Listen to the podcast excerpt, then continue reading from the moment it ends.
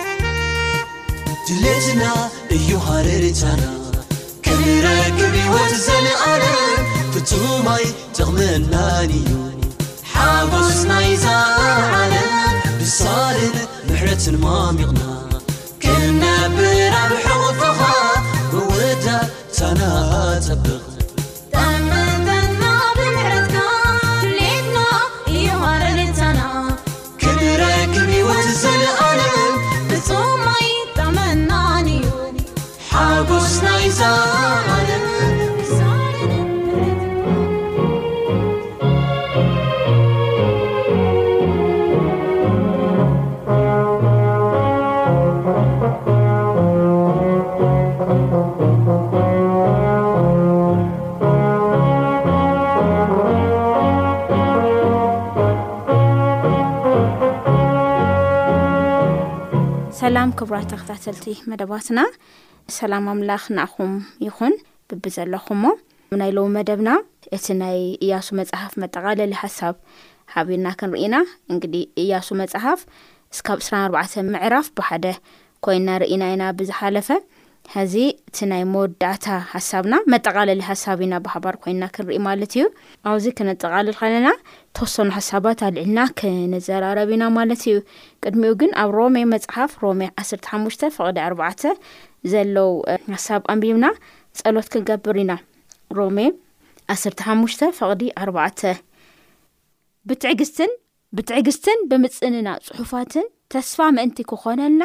እቲ ቀደም እተጸሓፈ ዘበለ ኩሉ ንምህሮና እዩ እተጸሓፈ ይብለና ብትዕግስትን ብ ምጽንናዕ ጽሑፋትን ተስፋ ምእንቲ ክኾነልና እቲ ቀደም እተጸሓፈ ዘበለ ኩሉ ንምህሮና እዩ እተጸሓፈ ይብለና እስቲ ጸሎት ክንገብር እሞ እግዚኣብሄር ካብዚ ነገር እዚ ለምህርና ነገር ሃብና ክንመሃር ኢና ጸጋን ሓቅን ዝተመላእኻ ዙፋንካ መሰረትካ ኩሉ ሓቅን ቅንዕናን ዝኾንካ እግዚኣብሔር ኣምላኽና ልዕቤትካ ንልዕልናኻ ንመንነትካ ክነኽብር ክነኽብር ክንክእል ጸጋኻ ኣብዝሐልና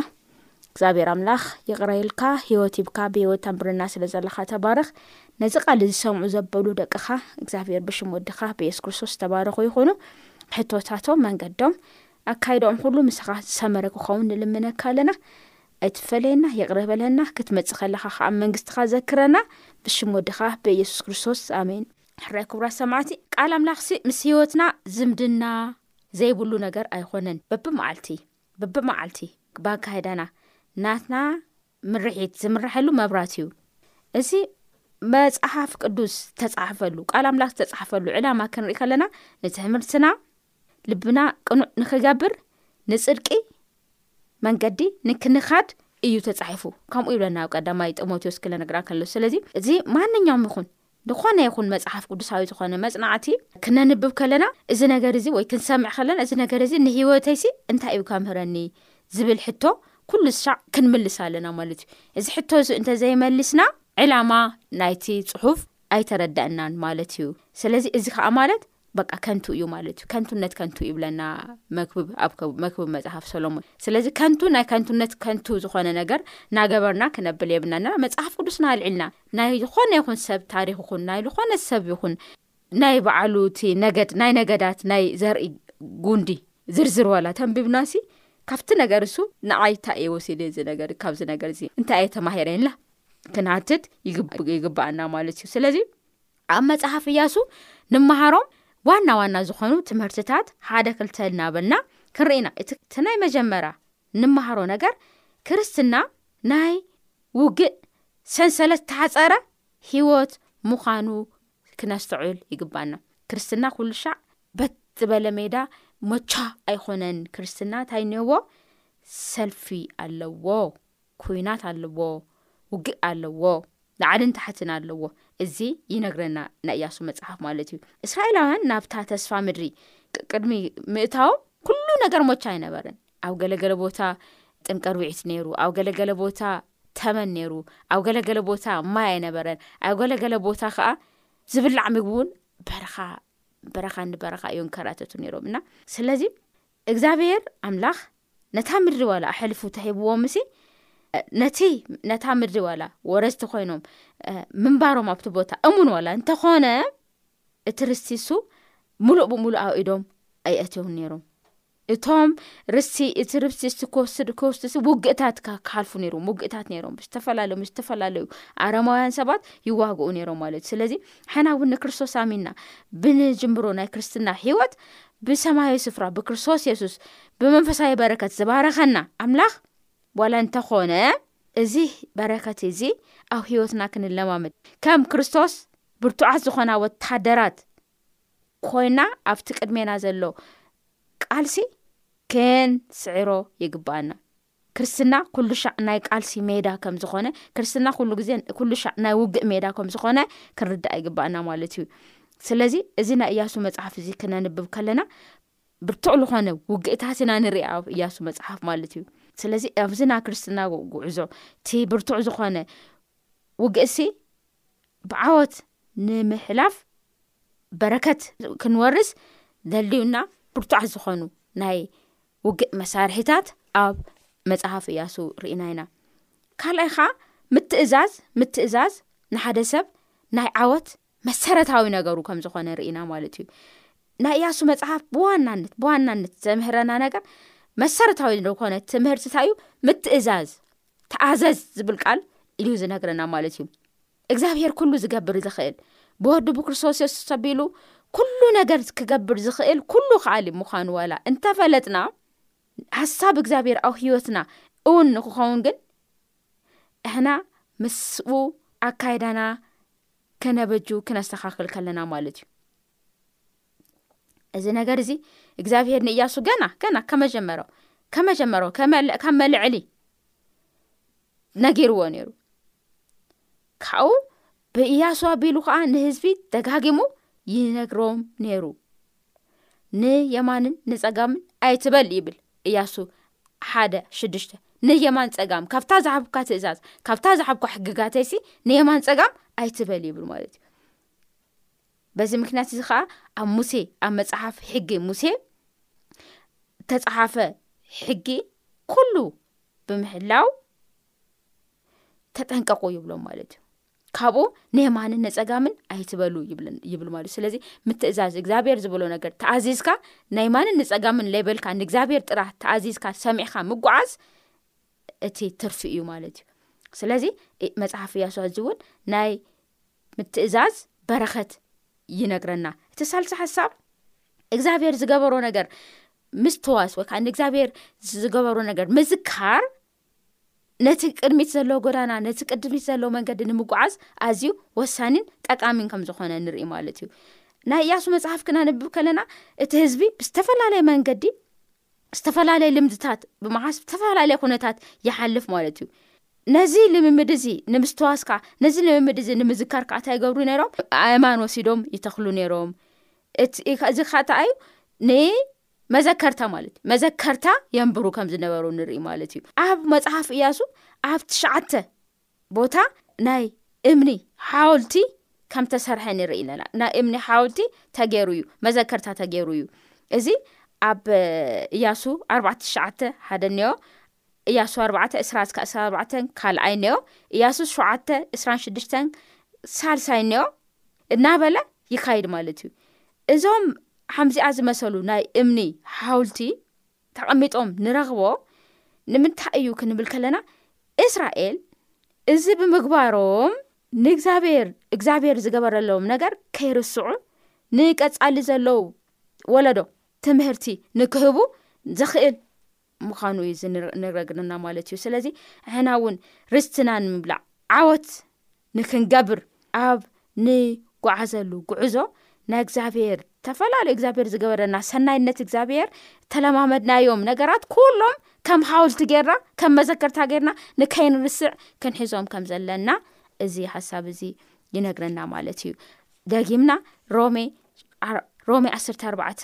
ሮሜ ዓስርተ ሓሙሽተ ፈቕዲ ኣርባዕተ ደጊመ ከንብብ እየ ብትዕግስትን ብምፅናዕን ብምጽንናዕን ብትዕግስትን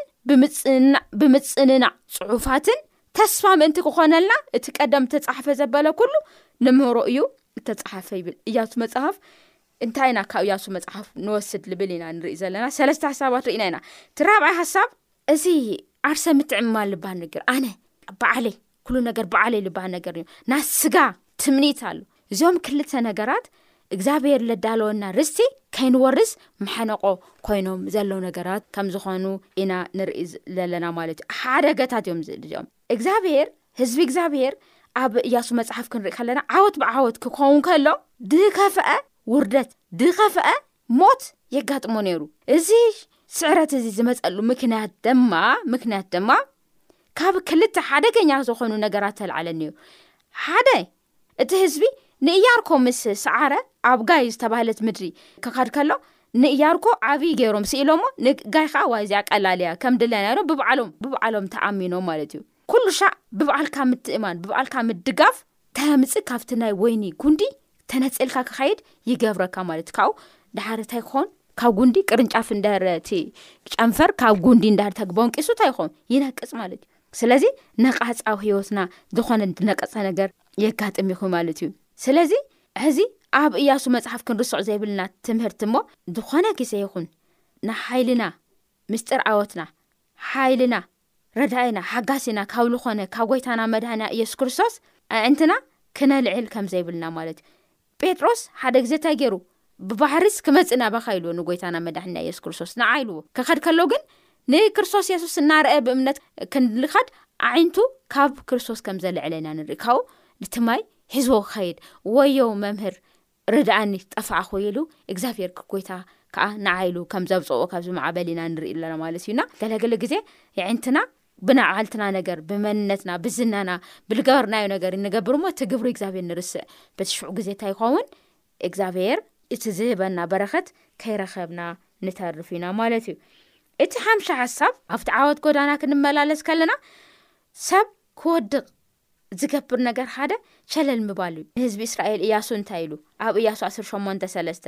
እያሱ ዓሰርተ ሸሞንተ ሰለስተ እያሱ ከዓ ንደቂ እስራኤል በሎም ነዛ እግዚኣብሔር ኣምላኽ እቦታትኩም ዝሃበኩም ምድሪ ከድኩም ንሙራት ክሳ መዓዚኹም ሸለል እትብሉ ሸለል ምባል እግዚኣብሔር ዝሃቦም ምድሪ ንከይወርሱ ሸለል ኢሎም ኮፍ ኢሎም ካብ ዳሃረ ቸልተኝነት ኣለኹም ሸለልተኛታት ኢኹም ኢሉ እያሱ ክወቅሶም ከሎ ንርኢ ማለት እዩ እስራኤላውያን በዚ ሸለልተኝነት እዚ እቲ ተዋህቦም ርስቲ እግዚኣብሔር ውረሱ ዝበሎም ርስቲ ሸለል ብምባሎም ብዙሕ ነገራት ይቃርዮም ከም ዝነበረ ንርኢ ማለት እዩ ስለዚ ሕና እውን ብዝተመሳሳሊ ስሕተት ከይንወድቕ ክንጥንቀቅ ይግባኣና ናይ በዓልና ንበዓልና ክንገብር እዩ ማለት እዩ ትሻሻ ሓዛብ ቃል እግዚኣብሔር ምፍላጥ ሓደ እዩ ነቲ ቃል እግዚኣብሔር ከዓ ከምቲ ተስፋ ቃሉ ምፅባይ እውን እቲ ካልኣ እዩ ማለት እዩ ስለዚ ኣብ እያሱ መፅሓፍ ትሸርሻ ሓሳብ ዝነግረና ቃል እግዚኣብሔር ምፍላጥ ካብኡ ከዓ በቲ ተስፋ ቃሉ መሰረት ነቲ ቃል እግዚኣብሔር ምፅባይ ሓደ ዓብዪ ነገር ከም ዝኾነ ንርኢ እግዚኣብሔር ንእያሱ ዝመኸሮ ምኽሪ እዚ እዩ ሕጉ ስርዓቱ ነገሩ ክፈልጥን ኣብ ልቡ ከዓ ንክገብርን እግዚኣብሔር ንእያሱ ክመክር ፀኒሑ እዩ ንህዝቢ እውን ተመሳሳሊ ነገር ይመክር ተመሳሳሊ ነገር የምህር ነይሩ ማለት እዩ ኣብ እያሱ መፅሓፍ ሸሞንተ ካብ ሰላሳን ኣርባዕተን ክሳብ ሰላሳን ሓሙሽተን እስቲ ንረአ እንታይ ምክሪ እዩ ዝገብር እግዚኣብሔር ሰላሳን ኣርባዕተን ክሳብ ሰላሳን ሓሙሽተን ድሕሪ እዚ ናብ ዘሎ ቃላት ሕጊ ነቲ በረከትን መርገብን ከምቲ ኣብ መፅሓፍ ሕጊ ተፅሑፉ ዘሎ ኩሉ ኣንብቦ ካብቲ ሙሴ ዝኣዘዞ ዅሉ፣ እያሱ ኣብ ቅድሚ ብዘሎ ማሕበር እስራኤል፣ ኣንስትን ህጻናትን ኣብ ማእከሎም ዝኸዱ ጓኖትን ዘይንበቦ ቃል ኣይነበረን ይብለና ማለት እዩ። ስለዚ ናይ እግዚኣብሄር ቃል ምፍላጥ ኣብ ልብና ኻኣ ነዚ ቃል እዚ ምሓዝ ኣዝዩ ወሳኒ ነገር ከም ዝኾነ ንርኢ። ምስ ካልኦት ህዝብታት እግዚኣብሄር ከኣ ንገብሮ ሕብረት ሕብረት ወሳኒ ከም ዝኾነ ንርኢ ማለት እዩ እስራኤል ነገዶም ዓስርተ ክልተ ዋላ ተኾነ እንታይ ገይሮም ይብል እዞም ክልተ ነገዳትን ከምኡ ከኣ ፈረቃ ነገድ ምናሴን ኣብ ተፈልዮም ቀርዮም ነይሮም ርስቲ ናባዕሎም ወሲዶም ግን ተንሲኦም እንታይ ገይሮም ኣንኣሕዋቶም ክሕግዙ ምስ እቲ ዮርዳኖስ ሰጊሮም ምስ ኣሕዋቶም ከም ዝኸዱና ንርኢ ስለዚ ኣብ ክርስትና ሕይወት ሓድነትና ምጥንኻር፣ ንብጻይካ፣ ንኣሕዋትካ፣ ንኣሓትካ ብሓደ ኮይንካ ክርስትና ሕይወት ምጥንካር እውን ናይ እያሱ መጽሓፍ ዝነግረና ሓዲኡ ሓሳብ ከም ዝኾነ ንርኢ ማለት እዩና ኣብ መወዳእታ እያሱ እንታይ ይብልዎም ኣነን ቤተይን ንእግዚኣብሔርና ነገልግል ነመን ከም እተገልግሉ ግን ሎሚ ፍለጡ ከም ዝበሎም ኢና ንርኢ ማለት እዩና ሎሚ ኣሕና እውን ሕብረት ምስ ኣሕዋት ምግባር ነብ ምስቲ ሕብረት ከኣ ኣንታይ ኢና ነምልኽ ዘለና ኣነን ቤቴን ንእግዚኣብሄር ኢና ናመልኽ ቢልና ናብ እግዚኣብሄር ክነምልኽ ከንጽጋእ ይነግረና እሞ እዚኣተን እየን ዘን ሸዓተ ሓሳባት ኣብ መጽሓፍ እያሱ መጠቓለሊ ዝተበላ ማለት እዩ ኣፍ ዝፈጠርካ ንስኻ እውን ብኣፍካ ትዛረብ ብኣፍካ ብዝወፅእ ቃል ከዓ ኣለምና ኩሉ ዝፈጠርካ እዚ ዝፈጠርካ ኩሉ ክዓ ንስኻ ደጊፍካ ዝሃዝካ ሎሚ ኣብ ናይና ሂወት ዓብይ ስራሕ ክትሰርሕ ቃልካ ኣብ እያሱ መፅሃፍ ስለዝልኣክካልና ነመስግነካ ብርግፅ በቲ ብቃልካ ናይ ዓወት ጎዳና ብቅድሜና ስለዘዘርጋሕካ በዚ ጎዳና እዚ ክንጎዓዓዝ ከዓ ዘድልየና ትምህርቲ ግሳጼ፣ ምክሪ ከምኡ ከኣ ምጽንናዕ ስለ ልልኣካና ነመስግነካ ኣለና። ንዚ ነገር እዚ ትገብር ከላካ ከኣ ናይ መንፈስ ሰይፍ እዩ እሞ እቲ ቃልካ በዚ ቃልካ ጌርካ ኣለማት ኩሉ ደው ክተብል ንልምነካ ኣለና እሞ ሓይልካ ሃበና ንሰኻ ዝገበርካልና ነገር ኩሉ ሻዕ ብምሕሳብ ብምርዳእ ካብኡ ከኣ ተኣዚዝና ብኣኻ ተኣሚንና ካብ ስጋ ትምኒት ርሒቅና ከምኡ ከኣ ካብ ሸልሰኝነት ጎይታ ኣምሊጽና ምስ ኣሕዋትና ምስ ወገናትና እግዚኣብሔር ኣምላኽ ብሓባር ኮይና ንኣኻ ለምልኸሉ መዓልቲ ክመጸልና ሰናይ ፍቃድካ ይኹን ተመስገን ስለቱ ምሕረትካ ለውሃትካ ፍቅርኻ ብሽም ወድኻ ብኢየሱስ ክርስቶስ